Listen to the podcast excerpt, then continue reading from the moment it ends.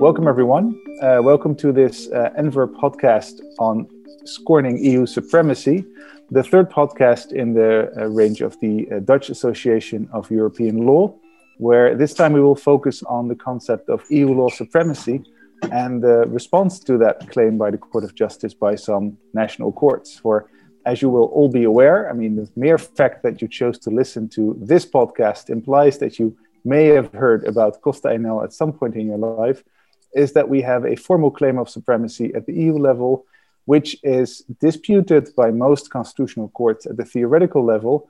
But so far, only three courts have openly um, disengaged themselves from supremacy, rejected a supremacy claim in a concrete case. Um, lastly, and perhaps most spectacularly in the Weiss judgment, which has led to a lot of discussion. This has uh, led us to uh, try and put those three cases more in context. So, first of all, to combine the three cases so far, um, and then to see what we should learn from these cases, or perhaps more importantly, what we should not learn from these cases. Um, to do so, um, we will have an interview with three very distinguished guests that will be led by um, two people from the uh, Dutch Association. So, my name is Armin Cuyvers. I lecture EU law in Leiden University, and I'm also a board member of the Dutch Association of European Law. And joining me is Frederik Beere, who also works at Leiden University and who has just uh, submitted uh, what I can say is a really good thesis on EU law, including the discussion about supremacy and national constitutional law, and who has kindly helped to, to join us here. Um, Frederik, could you introduce our speakers? Uh, welcome to our speakers also from my side. I will briefly introduce you in the chronological order uh, in which we will address the judgments. Um, just sort of, uh, you know, as a, as a disclaimer, and also to say that I will stick to the most important uh, uh, aspects of your resume. I could speak probably an hour now uh, on, on each of your resumes, but I'll stick to the most important facts. And the first speaker that we will hear is Jan Komarek on the, the Czech judgment. Uh, Jan Komarek is professor at the Center uh, of Excellence for International Courts at the University of Copenhagen. Um, he had a position before at the LSE, and he also worked uh, as a legal counselor for the Czech uh, Foreign Ministry and as a legal secretary, if I'm correctly informed, for the president of the Constitutional Courts. Um, he published on, of course, a lot of things, but also on the judgment that we will address today. Um, and we are very excited to hear your insights on the Landtová case on the constitutional development in, in the Czech Republic. Our second speaker is Professor Ruth Nielsen, who is professor at the Law Department of Copenhagen Business School. Her research work focuses specifically on EU law, on EU legal method, and also on equality law, um, which means that she is an excellent um, candidate to speak about the Ajos judgment, the Danish judgment that, that we will discuss today, um, Professor Nielsen also published on the Ajos judgment and um, indicated there that the Danish Supreme Court actually violated um, the EU treaties uh, with the ultra vires finding. And our third speaker is Professor Martin Nettesheim, who is Professor for Constitutional, Administrative, uh, European, and International Law at the University of Tübingen in Germany. Professor Nettesheim also published on a, on a range of topics, also on the, the German constitutional jurisprudence, and most recently, of course, on the um, PSPP or the Weiss judgments. And interestingly, as well, uh, Professor Nettesheim uh, functioned or uh, intervened as a legal representative in front of the German Constitutional Court itself for the German Bundestag, for the parliament in the ESM case. So, warm welcome to all our three distinguished speaker, speakers from our side. And it's indicated um, I suggest that we start with um, Czech, Czech judgment first. Um, Jan Komarek, maybe you can give a, a, brief introduction into the case. Then we will go to the Danish case and de- then to the German uh, case. So, Professor Komarek, the, the microphone is yours, as we have to say now in these online times. Thank you very much. And I will try to be brief also because uh, already then, back in 2012, when the Landtová judgment was issued by the Constitutional Court of the Czech Republic, it was quite difficult to understand, even for some people from within the Constitutional Court, the reasoning of the judgment and the reasons, the real reasons which led the Constitutional Court to declare uh, a previous judgment on a preliminary reference by the European Court of Justice to be ultra vires and as such not enforceable in the Czech Republic back then. And in fact, it's not about a deep value conflict between the constitutional identity of the Czech Republic and the values of the European Union. As a matter of fact, the judgment was issued by the Constitutional Court only three years after uh, they delivered two Lisbon Treaty judgments, which were both very open to uh, the European Union and which uh, declared that there is a fundamental compatibility between the value orientation of the Czech constitution and uh, European uh, legal order. So, in fact, it was uh, an institutional conflict between two courts, and the two courts were not the Constitutional Court and the European Court of Justice, but in fact, it was a very domestic uh, judicial conflict between the Constitutional Court and the Supreme Administrative Court. And in fact, uh, the supremacy of European Union law was a sort of collateral damage to uh, this conflict. So the matter, legally speaking, was uh, quite complex, and I think there is no point in explaining it in, in detail. But it really dated back to the period before the Czech Republic became the member state of uh, the European Union. And it also related to the dissolution of Czechoslovakia, which happened back in 1993.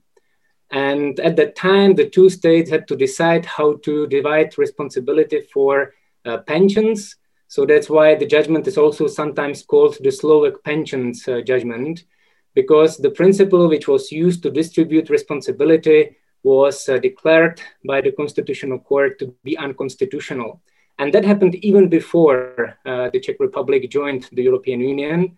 But uh, the problem was that uh, this finding concerned only Czech citizens, which then, after the Czech Republic joined the European Union in 2004, became discriminatory because, of course, there are European citizens who used to work for either a Czech or Slovak employer before 1992, since pensions by definition concern long period of time. So when they retire after the Czech Republic became a member state of the European Union, they would not benefit from uh, this finding by uh, the Constitutional Court. And that was, again, legally speaking, the concern for the Supreme Administrative Court.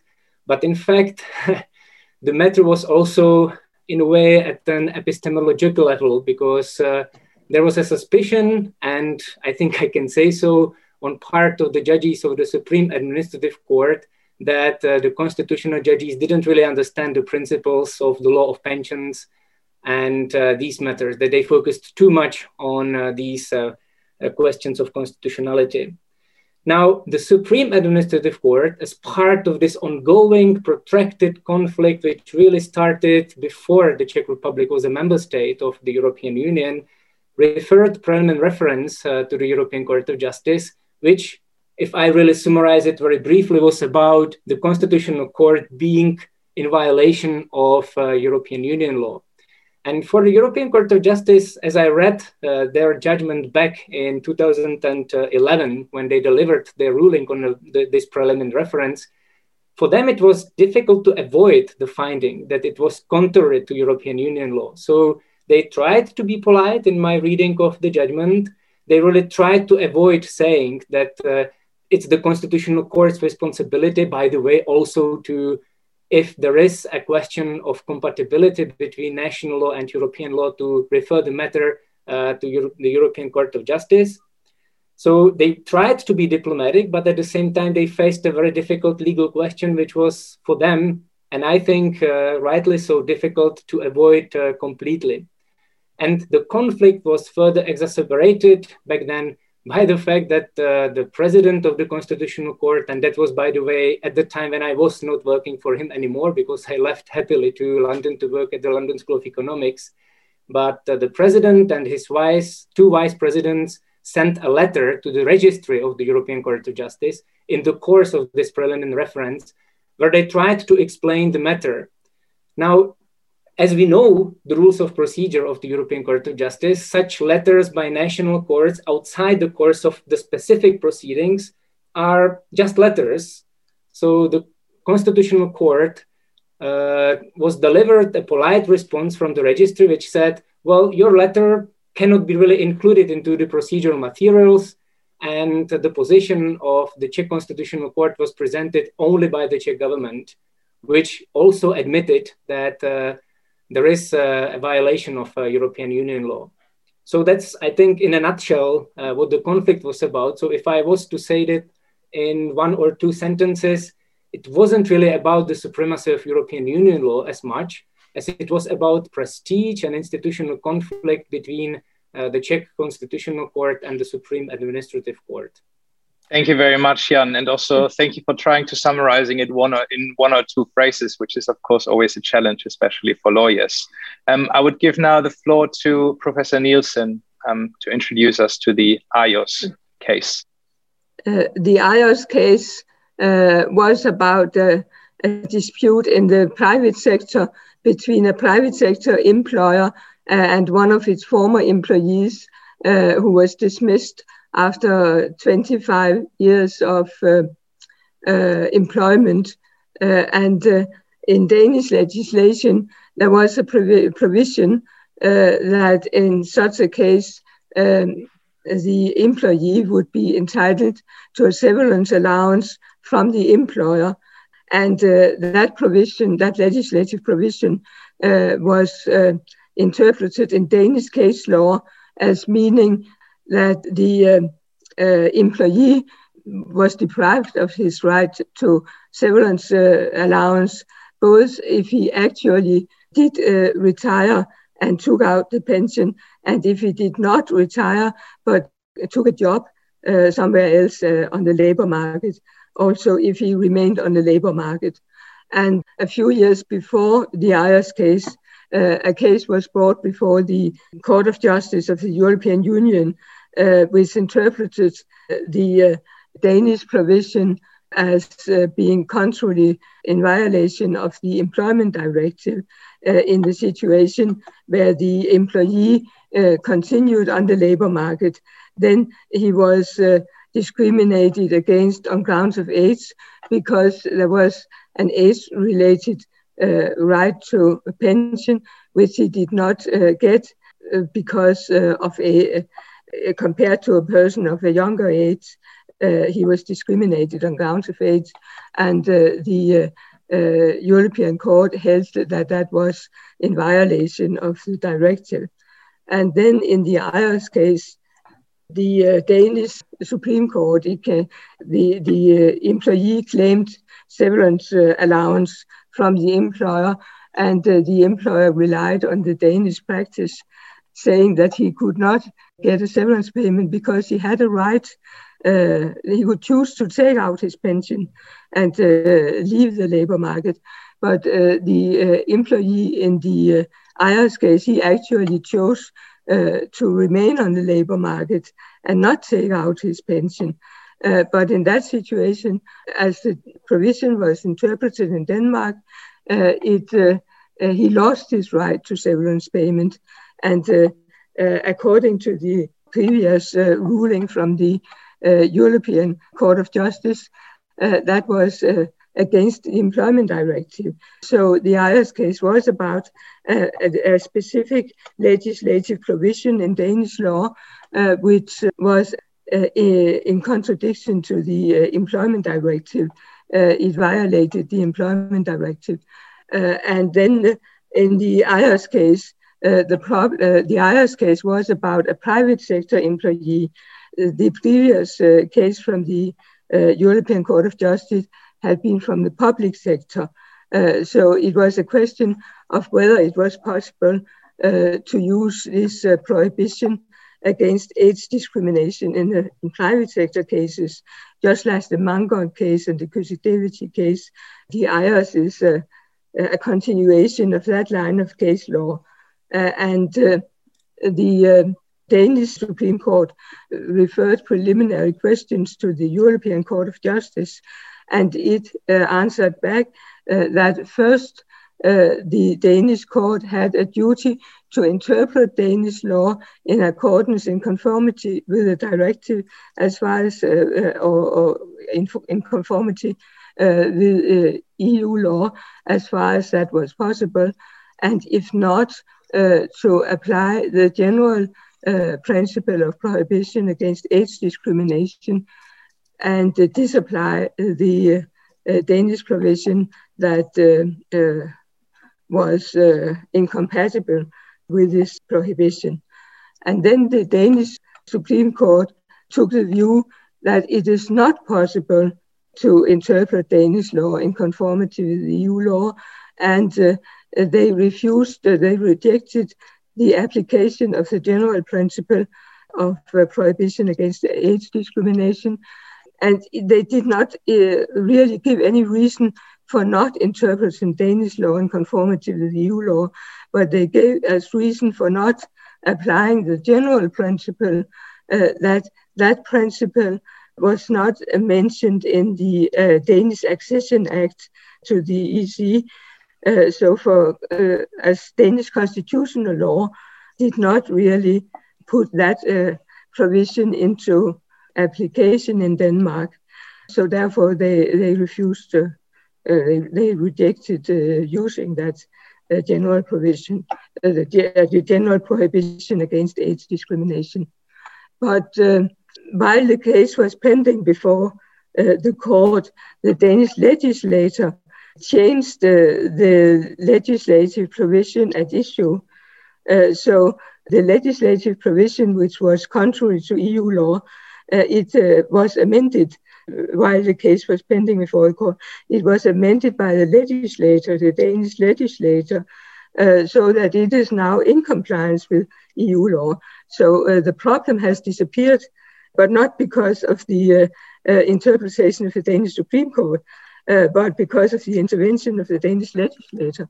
So Danish law is now fully in compliance with EU law, and therefore I think one cannot say that it is not really about Denmark not accepting uh, the supremacy of EU law. The Danish legislature clearly accepted that, and uh, uh, the Danish Supreme Court has also, in a previous case, accepted it in the public sector. The Ajos case was a private sector case, and it was only in the private sector that the, the Danish Supreme Court rejected uh, accepting the EU law that, that was uh, contrary to Danish law. Uh, but the case has limited uh, important because the Danish legislature intervened and changed Danish law. So we have no problem now uh, with conforming with EU law. Danish law is in conformity with EU law. Uh, I think that's uh, the most important part of it. Thank you, Professor Nielsen. And there uh, we hear already what is a very easy solution to uh, a legal problem where we get a lot of headaches as lawyers. Um, you know, the legislator just amends the law and then the problem is gone. So um, yeah. thank you very much for this insights.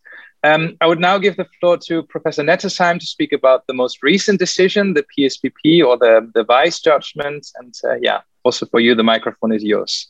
Well, thank you very much for having me here today. It's a great pleasure to talk, talk about a decision that uh, was issued in May 2020 and has, at least in some circles, uh, been looked at or was perceived as a declaration of war by the highest German court and by definition one of the most important national courts in the European Union against the EU and in particular the European Court of Justice. Uh, however, from a practical point of view, almost one year later, um, it is a rather dull and uh, I would say not really significant moment of European integration and uh, it has not been without with, with uh, manifest consequences.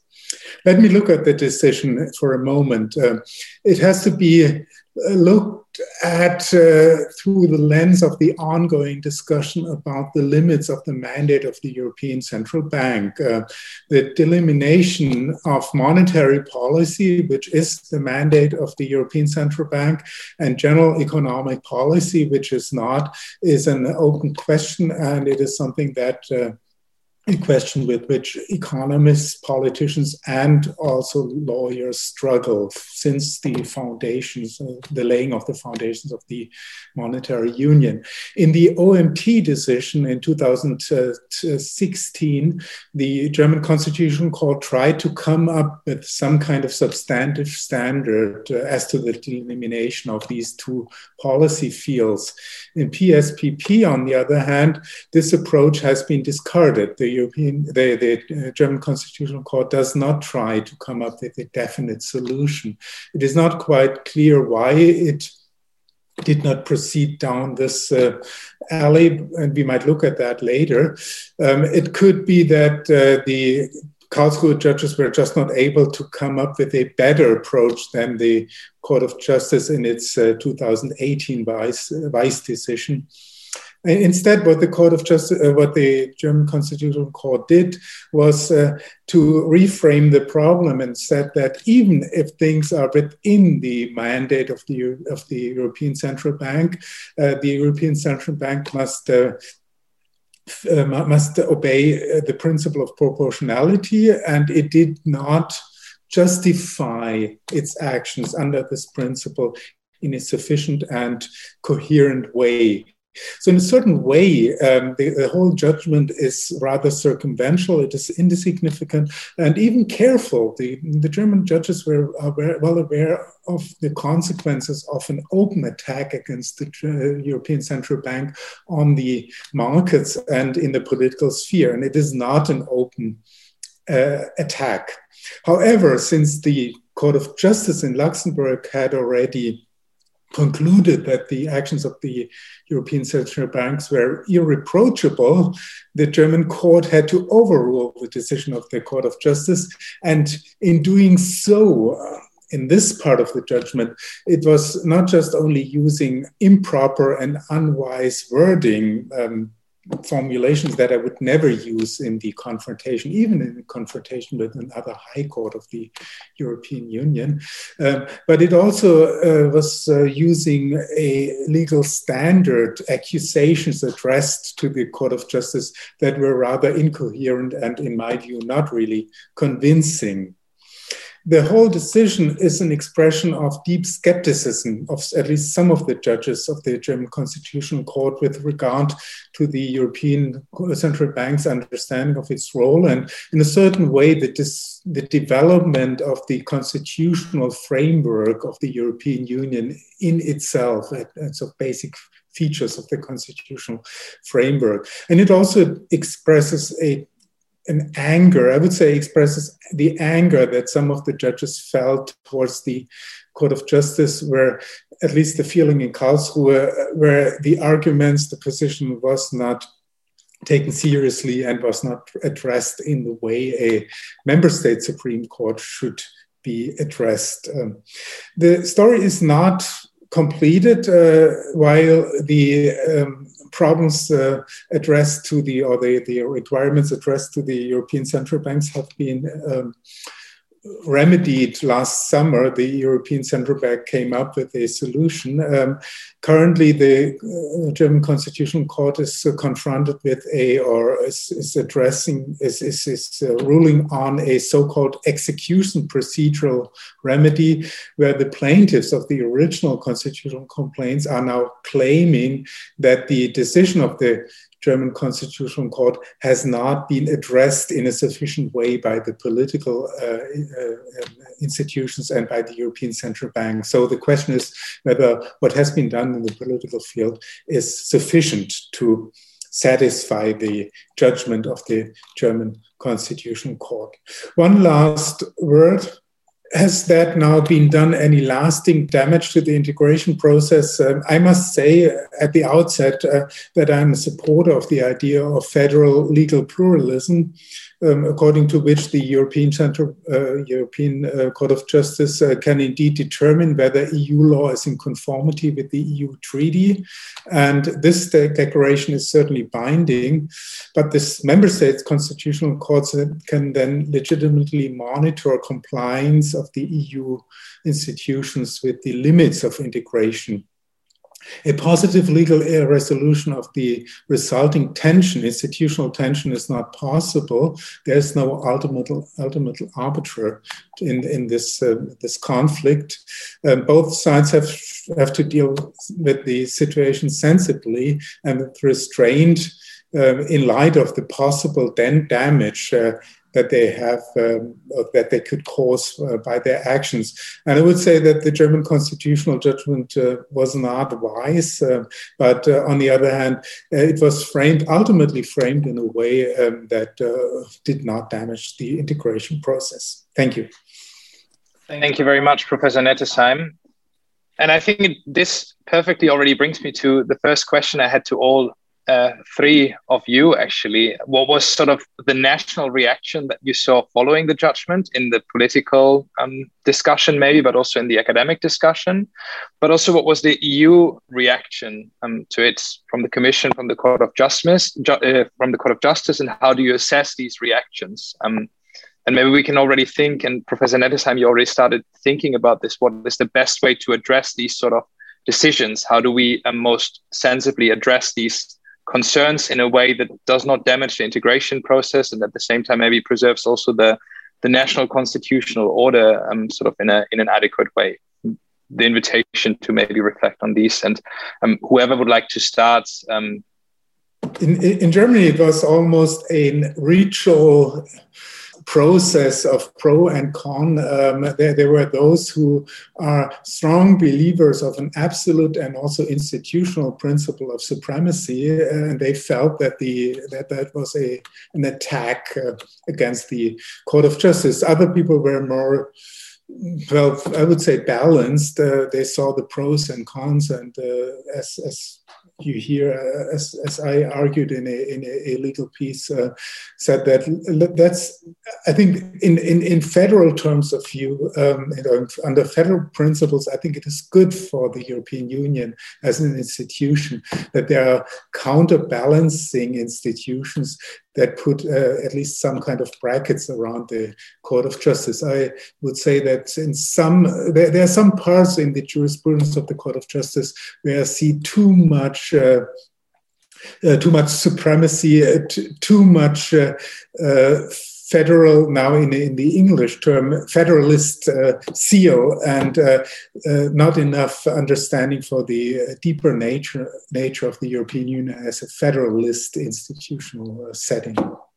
Um, I would uh, then also say that the political institutions acted wisely. I think it is right that the Court of Justice indicated or, or came up with this, uh, this short statement. Um, uh, it is also good that the com Commission did not decide to um, instigate a, an infringement procedure against the Federal Republic of Germany So that would have caused much more damage than what has already been done. Um, and uh, the German politicians were very careful not to take sides. So I think uh, I saw a lot of wisdom in, in, the reaction. Thank you very much. Indeed, it's interesting to see that um, maybe unlike uh, as some lawyers see it, that here was the political organs exercising wisdom in a legal infight, which is already an interesting challenge, I think, to uh, the legal profession as such. Uh, Professor Nielsen, could I also ask you maybe to pick up on the point that Professor Nettesheim mentioned, that indeed there are some contentious areas, and I would say that the horizontal direct effect of general principles in Kujuk de uh, and Mangold is indeed one of those contentious areas, also in German jurisprudence, actually. Um, could would that be one way of understanding the Danish response? And you already indicated the problem has been solved. Was it limited to that area, or should we understand it as a broader unease at the doctrine of supremacy as such? And maybe you could also relate that to the response in Denmark. I think the the specific uh, legislative provision was amended, as I said.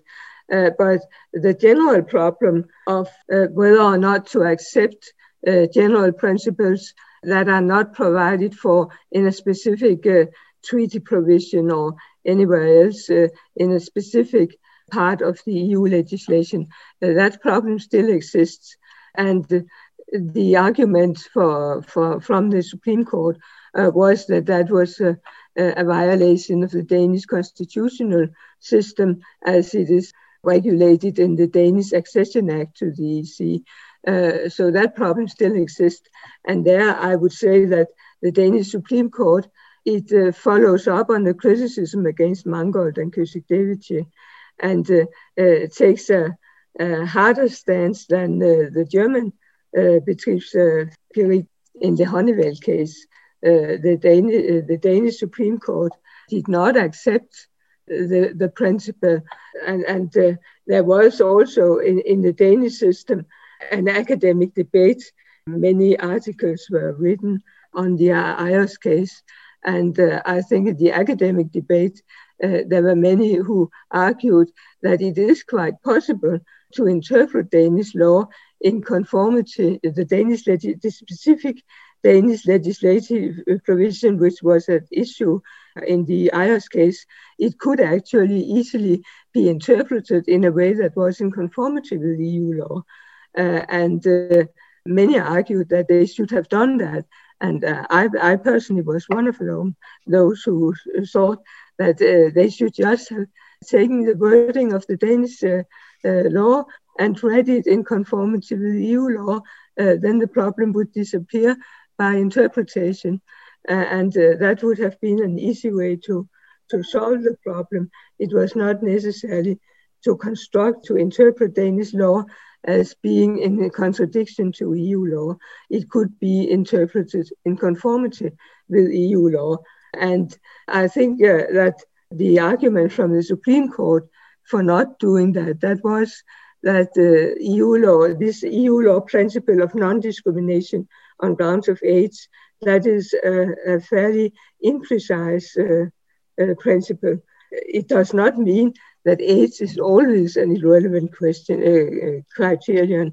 In many situations, age is an acceptable criterion, and it is a, a fairly unclear principle, and therefore uh, there is a, a problem uh, the legal certainty that the foreseeability for the uh, companies, for example, the the, the employer, his ability to foresee what, what, what is my legal status. That was low because uh, uh he should uh, abide by a, a, general principle in EU law uh, that was pretty vague and no one could tell him precisely.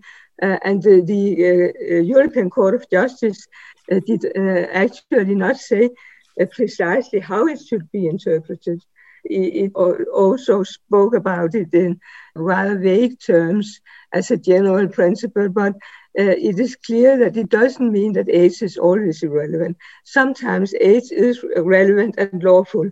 And when is it lawful and when is it not lawful? That is not very clear, neither in EU law nor in Danish law. And that uh, gives a, a low degree of legal certainty. Thank you very much. Maybe one, if I one brief follow up before we we maybe go to Professor Komárek, but where Professor Komárek indicated that it was kind of a, a traffic accident or collateral damage, Professor Nettesheim indicated that there was actually quite a uh, also some pent up frustration. You indicated that actually the problem had been solved by the time the court gave its ruling, and that there may have been options to go for conform interpretation. Does that mean that the Danish Supreme Court was specifically looking for a fight because they could have avoided the fight? Should we interpret it this way, or is that no? Uh, no, I, I, I, don't think I don't think they were uh, they were looking for a fight. But the problem was that if they should have, they, they could have uh, interpreted in conformity with EU law, but there was a consistent Danish case law stemming from the Supreme Court itself. It had in many previous judgments said that that specific legal uh, legislative provision should be interpreted in a way that was in contradiction to EU law. So they would have to change their own case law. And I, I think they were unwilling to ca- change their own case law. But that's not because they wanted to fight with the uh, European Court of Justice. They just wanted to keep their uh, position as the highest court in Denmark. Uh, and uh, when they had said, for men, they had said in, I think it goes back to the 70s, they had said for 50 years that this provision is to be interpreted uh, in this way. And then the European Court of Justice come and say that interpretation is a contradiction in contradiction uh, with EU law, so you have to change your case law. The uh, European Court of Justice said that uh, the national court had to change national case law in order to interpret uh, national law in conformity with EU law. And uh, they, they were unwilling to change their own case law. and I, I, don't think that was not because they wanted to fight, just they wanted to uphold the position they usually had in, the, in Danish law, that they decided what was law in Denmark. Thank you very much. Uh, Professor Komárek, what was the uh, situation uh, in the Czech Republic after the court played with matches? Uh? So I think in the end, the conflict evaporated uh, somewhat through intensive negotiations between the presidents of the two courts. Also, the government uh, got involved. So what happened was that the Supreme Administrative Court submitted even second preliminary reference, where they questioned the Constitutional Court's response but the case was settled. So the pension was paid by the government to the party. So the case ended before the Supreme Administrative Court. So there was no case. So the preliminary reference was withdrawn. And uh, since then, it was a sort of dancing between the limits which were, were created by the legislation uh, which uh, was adopted by uh, the Czech parliament and also the limits by the Czech Constitutional Court. But uh, in short, no further conflict uh, existed since, since then. What I also know is that uh, after the Constitutional Court uh, issued its judgment, there were intensive discussions between the government and people in the commission to see what the commission is going to do about uh, such blatant infringement. But I think there was uh, really no willingness on the part of even the legal service of the commission to to try to initiate infringements against uh, a member state for a judgment by the Constitutional Court, which I also think was a very wise course of, uh, of action. As a, as a follow up to this point, you've all described the underlying national context and the factors that drove these courts to these judgments, indicating at the same time that it might be healthy to have a kind of checks and balances at the same time indicating that choice of words uh, can sometimes be um, more wisely done or there's other factors than eu law. If we try to extrapolate from this um, even the question if we should but does that mean that eu law supremacy should learn something from this? Should we amend or adapt our eu law doctrine of supremacy? Should we still teach our first year's bachelors about costa enel the way we do? Should we maybe not overlearn because these are specific instances? Or is everyone just playing their part? Should the Court of Justice say we are absolutely supreme? And should national courts then say, no, you're not? And actually, three accidents in more than 60 years is a, by any marriage standard, it's actually quite a good result. So, could I ask you to maybe reflect on, on what lessons we should or should not draw from this for EU law supremacy? Who would like to take the floor first? Well, if I may start uh, this Please. time, possibly, because, uh, well, there are proposals also provoked by the Weiss judgment by the German Constitutional Court to create an, another judicial institution which would be composed of uh, judges coming from constitutional courts and the Court of Justice. To me, you cannot solve this legally. So, in the end, we can continue teaching EU law as we do, saying that uh, from the perspective of EU law, there is the principle of primacy and uh, judgments by the European Court of Justice, but we also know that uh, this version of primacy cannot be enforced in the member states because such enforcement depends on national institutions and national courts. And what I think is also a painful lesson, which could be seen already back in 2012 when the Czech Constitutional Court. Uh, part of its ruling, which was addressed to the domestic uh, audience or judicial audience, was to say if you do not respect the rulings by the Constitutional Court, you may be subject to disciplinary proceedings because you violate your judicial duties. So back then, nothing happened really. But what we now see in Poland is essentially taking the same approach to judges who want to enforce European law against uh, the principles which are now being created by an institution which calls itself a constitutional tribunal, but which many constitutional lawyers in Poland would say is not really a constitutional tribunal because it was composed against the constitution. And I think if we are edu- educating judges, we should also tell them that they should not trust the power of the European Union too much because, in the end, realistically speaking, they are national judges and they operate in their institutional con- uh, context. And in the end, their jobs are not dependent on the European Commission, but they are dependent on the domestic context. That's brutal reality, but that's, I think, what Polish judges are now uh, learning. If I if I may add, um, on on a theoretical level, you might have remember what I said a couple of minutes earlier.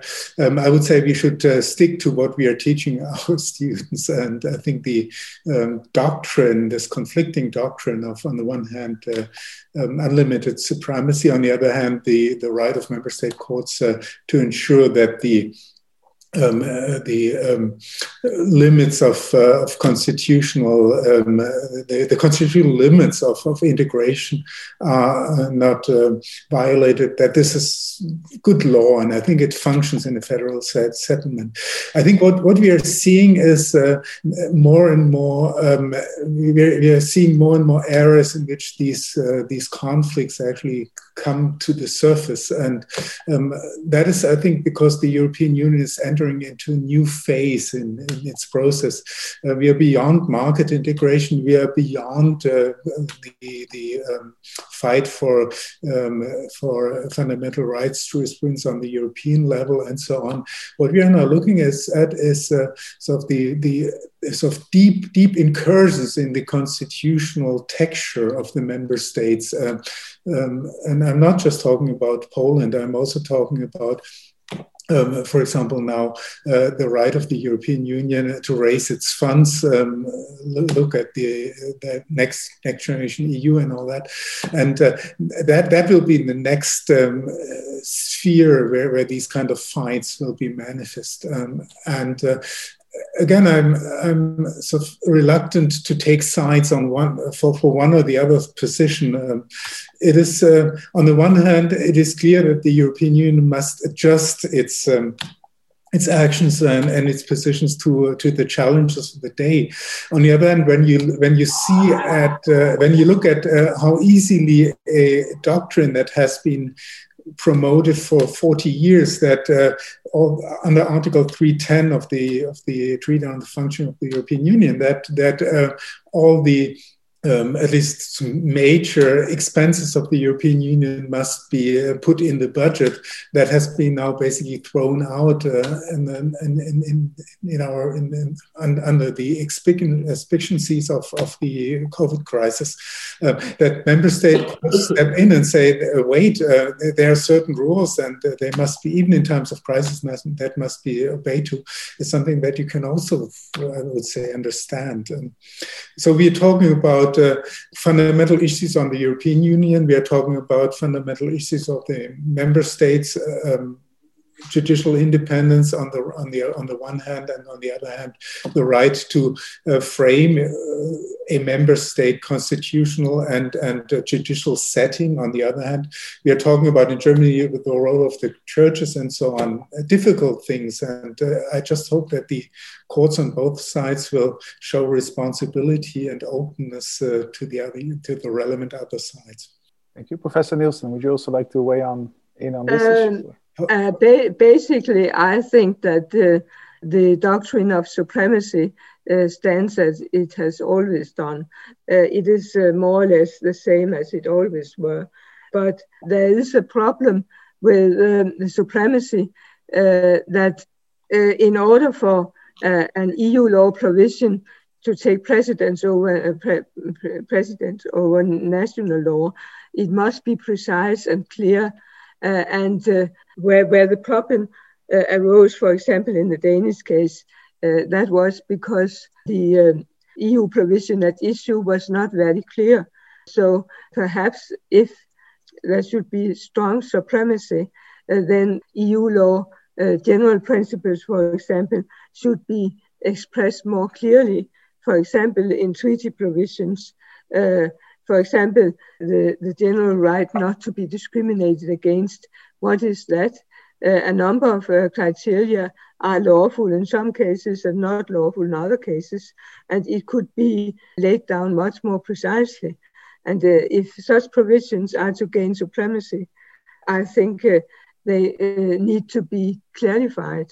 EU law need to be expressed much more clearly if its provisions are to be accepted as directly applicable with supremacy over national law. Uh, and uh, if they are very unclear, then the, the principle of legal certainty is a pretty good argument for not accepting uh, uh, their directive applicability and their supremacy. So, so there perhaps uh, is something the EU should learn. Uh, it should learn to make its general principles clearer, uh, more precise, uh, if it expects the national courts to follow them, to give supremacy to them. There's also an interesting idea that there is a kind of an internal requirement, even going back to the concept of law itself, that is an internal requirement yes, for yes. being precise and consistent to claim any legal right, let alone uh, absolute supremacy. Um, and I think that's also a nice bridge to uh, where we now want to move next is to drill down a bit deeper. So we've we've touched on the broader principles, but maybe now also drill back more specifically and legally into the details of the limits set, um, where Frederick will also ask you to go into some of the comparative consequences that may have.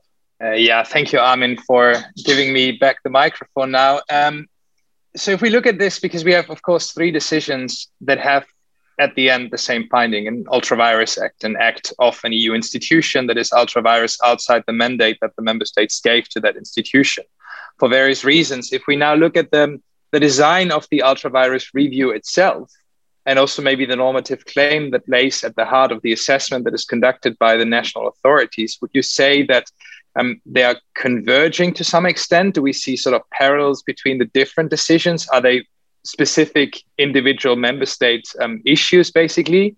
Or do we see maybe an opposition that is emerging more broadly across member states um, that could maybe also have a powerful impact on issues like supremacy that we just discussed, sort of a, a convergence across the member states, um, with these three decisions being just um, sort of an example of a wider body of decision that emerges? What is your view on these issues?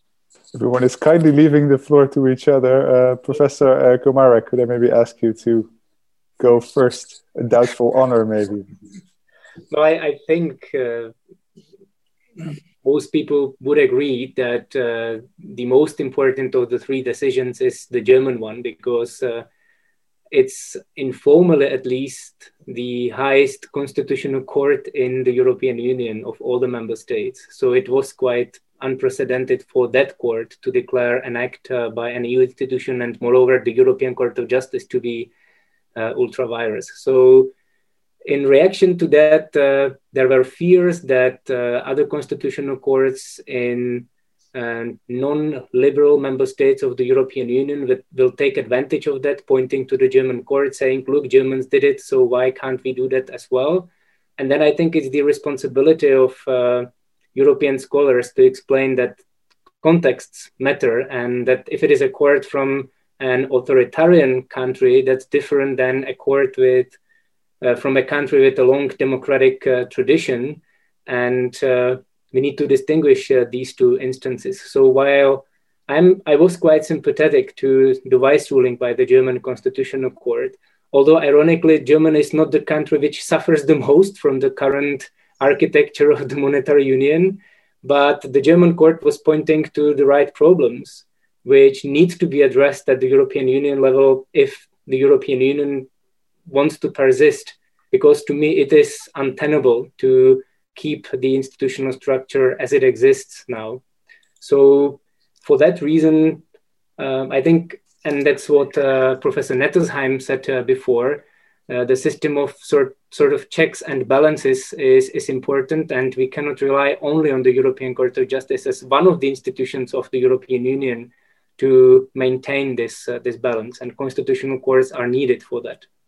But could I maybe push you a bit more? We're dragging in another rule of law issue here, but is it legally feasible to distinguish which constitutional courts are allowed to play a counterweight and which are not allowed to play a counterweight? Because so, can you legally uh, create this weapon? I'm thinking here of, of a member of the a former member of the Polish Constitutional Court who described their ultra vires ruling as a big gun that they hung over the chimney so that they would never have to use it.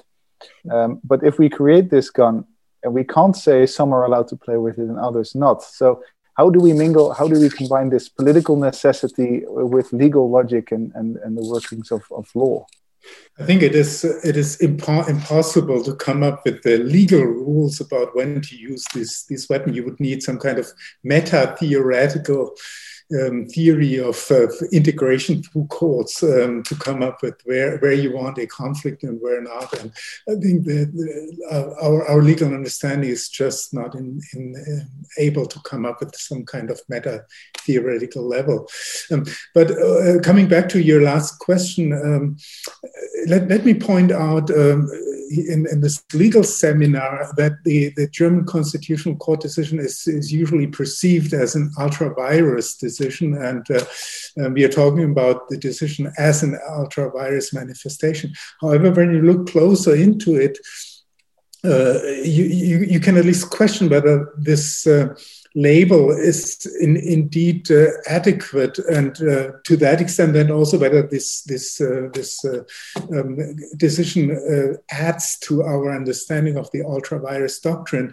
Um, on the one hand, as I said, the, the German court said uh, that the um, European Central Bank should add to its decision more justification. Is the lack of justification actually an expression of ultra vires or is that something else? Is that an overstepping of your substantive boundaries if you just don't justify enough? Uh, at least it, it shows that you have to have a very particular understanding of competences uh, to argue that a lack of justification, insufficient justification, is an ultra vires act. And even more so when you then go to the other element of the decision that the Court of Justice overstepped its uh, legal powers. What the Court of Justice did was, um, and, and, and that, that's basically also the complaint of the Karlsruhe justices, uh, the, the, the, uh, the Court of Justice did not look into the issue uh, sufficiently. The, the German, the, the Court of Justice in Luxembourg uh, did not ex- did not claim enough judicial power and uh, did not uh, um, exert its judicial competences in a uh, sufficient um, matter. Um, they basically let this thing pass uh, with a, sort of an insufficient, with an insufficient standard of judicial review. And is that now ultra vires if you if you decide uh, in a certain wrong way? Um, again, the question whether this is actually ultra vires or whether we are talking about something complete, something else, something completely different. So I, that, that's how I would say that in, in both areas, uh, it is not adding to the um, doctrine of ultra vires that is clearly fulfilled when the uh, European legislator legislates in an area where the treaties do not provide uh, a judicial, uh, a, a, a, legal basis. Uh, but uh, it could you could argue that the German decision is indeed rather um, obscuring the doctrine of ultra vires and and and destroying its clarity.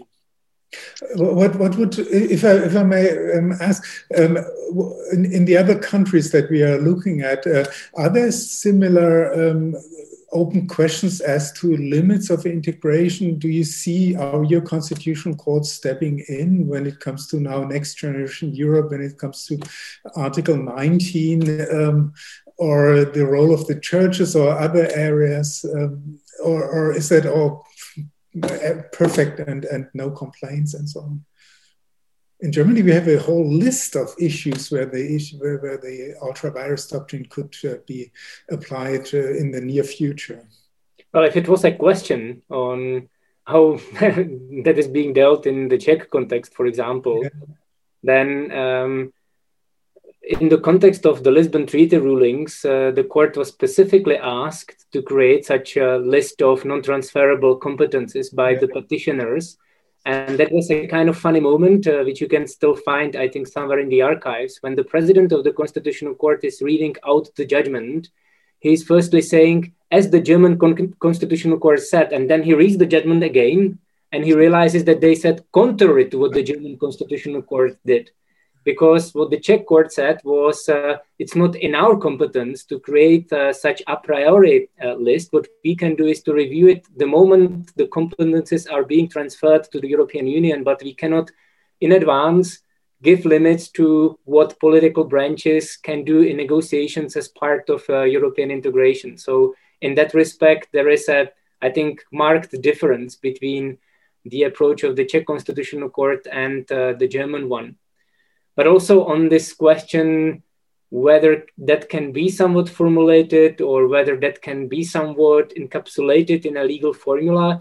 Again, I have to agree with Professor Nettesheim. That's, I mean, we are part of the game, but the game is played by many more actors than legal professors or uh, by legal institutions, even. And as I understand, my job is to try to explain that as be- as you know as good as I can to understand the context, to also understand the conflicts behind. So we can also point to this, I think, untenable culture of justification where you pretend that the problem can be solved by giving more reasons when the problem lies elsewhere. It's not about the ECB not giving reasons. It's simply about the structure of the monetary union and the division of powers and also the political economy behind the architecture of uh, the European Union, which is the real problem.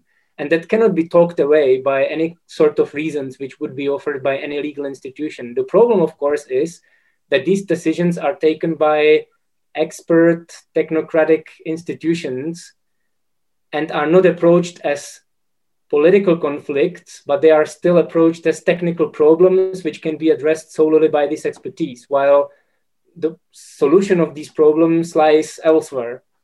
Thank you very much. I think that's a very powerful assessment in itself already, indeed, that uh, also due to the structure of the European constitutional framework, many of these questions are legalized and uh, are now being asked by courts to answer, but the underlying questions are very different and most more political in nature.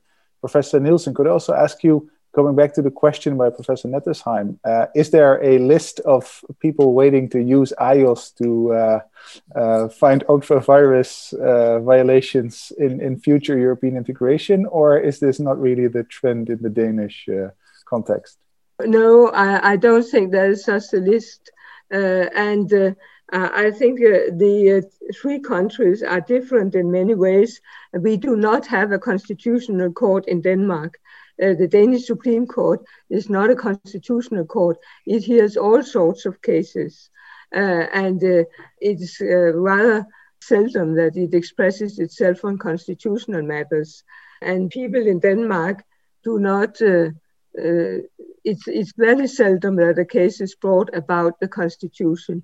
We have very, very few cases on constitutional matters in Denmark, and we do not have a specific court for it. And Denmark is also different from uh, Germany in that uh, the German case, it was about the European Central Bank, uh, and uh, that only applies in the Eurozone. Denmark is not part of the Eurozone. So the problem in the German case could not arise in Denmark because the European Central Bank, that program uh, which the German case was about, it does not apply in Denmark at all. Uh, so the, the cases are uh, quite different. Uh, we are not part of the same EU in a sense. Uh, the, the Eurozone EU, that is uh, one system where the Danish, well, the German case is very relevant. Uh, but it is not very relevant in Denmark because it is about something that happened uh, in the Eurozone, which uh, we are outside. And we remain outside, and there's absolutely no political will in Denmark to enter the Eurozone. Economically, uh, we are rich enough to be there, but we do not have the political will to be there. so we are not member of that kind of EU. Uh, there's a different kind of EU for the Eurozone, and that's what the German case was about. So, uh, in that sense, uh, the uh, cases are uh, fundamentally different. There are two kinds of EU. There is the Eurozone EU and the wider EU for all the member countries. And Denmark is one of these other countries uh, who do not want to take part in the uh, Eurozone. Well, but when it comes to next generation Europe, that's something where, where Denmark will pay into, and uh, at least indirectly. Um, so, um, oh, the, the question would be are, are, Danish citizens happy with that, or do they just don't think about fighting that uh, through their courts and, and so on? No, the political will in Denmark is that we don't uh, we, we do have our own currency kroner the Danish kroner, which is a very old currency, and we don't uh, want to use the euro. We don't want to have more than necessary to do with the eurozone. That is the general political view of most political parties in Denmark. So it is. It's not really a legal problem. It's more a political uh, attitude. The Danish political system would have to change considerably in order to uh, change the attitude to the eurozone. Uh, and I think Denmark is an example that it is quite possible to be a rich country outside of the eurozone. You do not need to be a member of the eurozone to become rich. Uh, Denmark is an example of a country that has become rich outside the eurozone. The opposite. well, I think that already displays that actually the national interests that are here at stake are also very different, and they're not necessarily constitutional problems, but they are also much much wider political societal problems, especially in a climate where you see a nationalism maybe coming up again, and where political uh, parties have to campaign maybe more national interests and European interests are not um, particularly um, well perceived by by some of the electorate, especially when we're now looking at the COVID uh, situation, the vaccines, and uh, the blame that the EU maybe received. Uh, it brings us to, I think, a very interesting, um, more future question, looking into the future and um, looking at the the convention, the conference for the future of the EU. Um, now, when we take these ultra vires concerns, and they are of course related to different issues. Um, and we already tackled this a little bit. What does it mean for the future of the EU? How should we or could we think about the EU in the future to preempt such conflicts, maybe, or to anticipate these conflicts better? Um, should we take specific measures, maybe, when we when we now think of how the EU in the 21st century should or could look like? also recalling that we are basically looking at a very diverse um, group of member states. We have the eurozone. We have people. We, we have member states that are part of Schengen. Other member states are not part of Schengen. So we have also a differently integrated um, body that we are looking at. How can we try to um, balance the tension that maybe naturally arise in the system? Would you have any concrete idea, maybe? And um, I would give maybe the floor to, to Professor Nettesheim because we, we, we took Professor Komárek before. So I, I, would now start maybe with Professor Nettesheim if you um, could think about that maybe. Yes, yes, thank you very much. Uh, my, uh, I think my, my first and most important point would be um, to create a in, in this conference and later through treaty revision a, a setting in which uh, the political sphere can react to crises through adjustment of the treaties, to adjustment through the law, and thus legitimate uh, what uh, the political, the financial, and also the judicial institutions are doing. We have seen now several times that uh, crises have provoked the political and, and, and, other institutions into reactions that were um, uh, that was difficult to avoid this conclusion that were at least not foreseen in the treaty setting and perhaps even fragment uh, violations of at least uh, if you have some kind of understanding of uh, legal continuity, importance of uh, the understanding, original understanding of what the law meant at the time of its drafting and all that. Um, perhaps even um, clear violations of what is happening. Uh, I'm not, not saying that the uh, law must be interpreted in a static way and, and uh, that the, uh, the intention of the framers is superseding any other concerns, but I think it would have had been helpful uh, in 2011, 2012, if a clarification of the mandate of the European Central Bank in these times were possible. And obviously, the political um, from uh, Mrs. Merkel and, and all the other the, the, basic political world was supporting what was going on there. Why where, why then were they not able to write that down and uh, and, and legit, legitimize what what uh, Draghi and, and, now now the European Central Bank is doing? Same now with the the reaction in, in times of COVID. Um, I'm I'm not convinced that uh, the reaction is uh, the, the idea of funneling 750 billion euros uh, uh, through the EU system, but not within the European um, uh, budget, but sort of through these kind of uh, uh, other financial institu institutions or instruments. Uh, why not change the treaty and make it to make it possible to um, uh, to legitimize that in an open way? Um, it is a good reaction and reaction that we need, but one that is clearly not within the uh, not not clearly within the framework of the treaties. So why not create more flexibility in the treaties to react to crisis? Professor Komárek, I will not have that much to say because I do not trust that uh, this exercise will bring anything fundamental. So I do not have great expectations. I think it's going to be muddling through once again because the union is just too diverse and it's just too, too difficult to keep it together and even more difficult to change anything. So I'm perhaps not imaginative enough to have some concrete proposals, but even though they have already managed to appoint six presidents after a couple of years, which is tremendous progress. Um, I, I, agree, but I think we should be constructive and come up with some kind of ideas. but, but, you're right, Professor Komárek. I, I, agree. I don't think that it's changing a lot. But uh, well, it, it, at least indeed, uh, if as academics we already give up already, then then maybe. Uh, um, we we have lost on that count. But sometimes it's hard indeed not to um, accept a certain level of cynicism when one watches these processes. Uh, Professor Nielsen.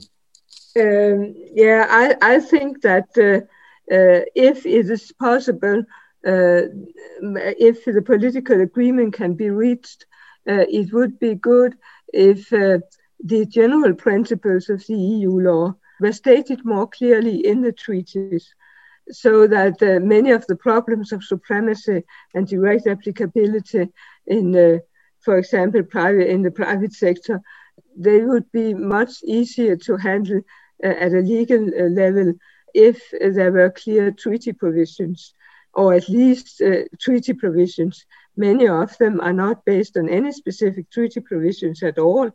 Uh, so if if it was possible to reach agreement on giving some kind of uh, formulation to the general principles of EU law in the treaty texts so that we got a text uh, to interpret that would make it much easier, uh, I think, to uh, uphold the principle of supremacy. Uh, and I, I, think that's more or less what I said before also.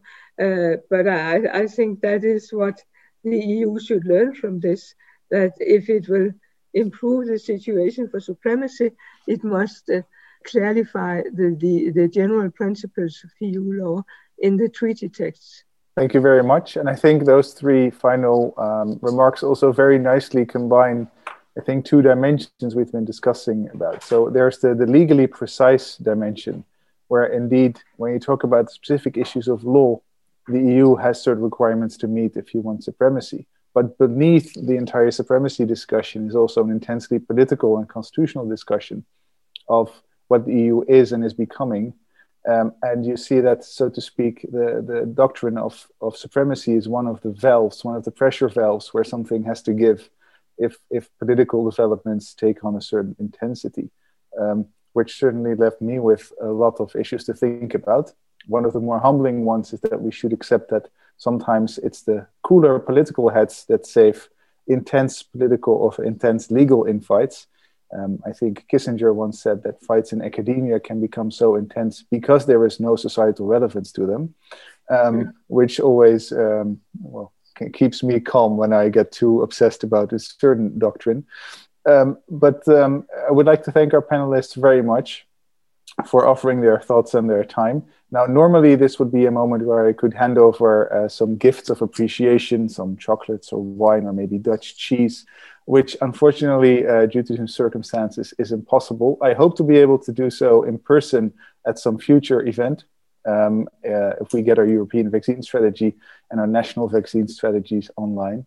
For now, uh, many thanks for your contributions uh, this, this afternoon. Uh, also, on behalf of the board of the Dutch Society of European Law, it's very much appreciated.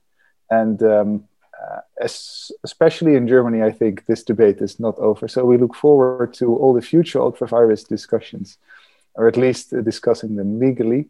Um, and then perhaps we can have a second version of this podcast. But for now, many thanks to all of you, and many thanks to our uh, listeners. And hopefully, to the extent that you're a member of the board, we also hope to welcome you to one of our physical Dutch Association meetings soon again. Thank you very much.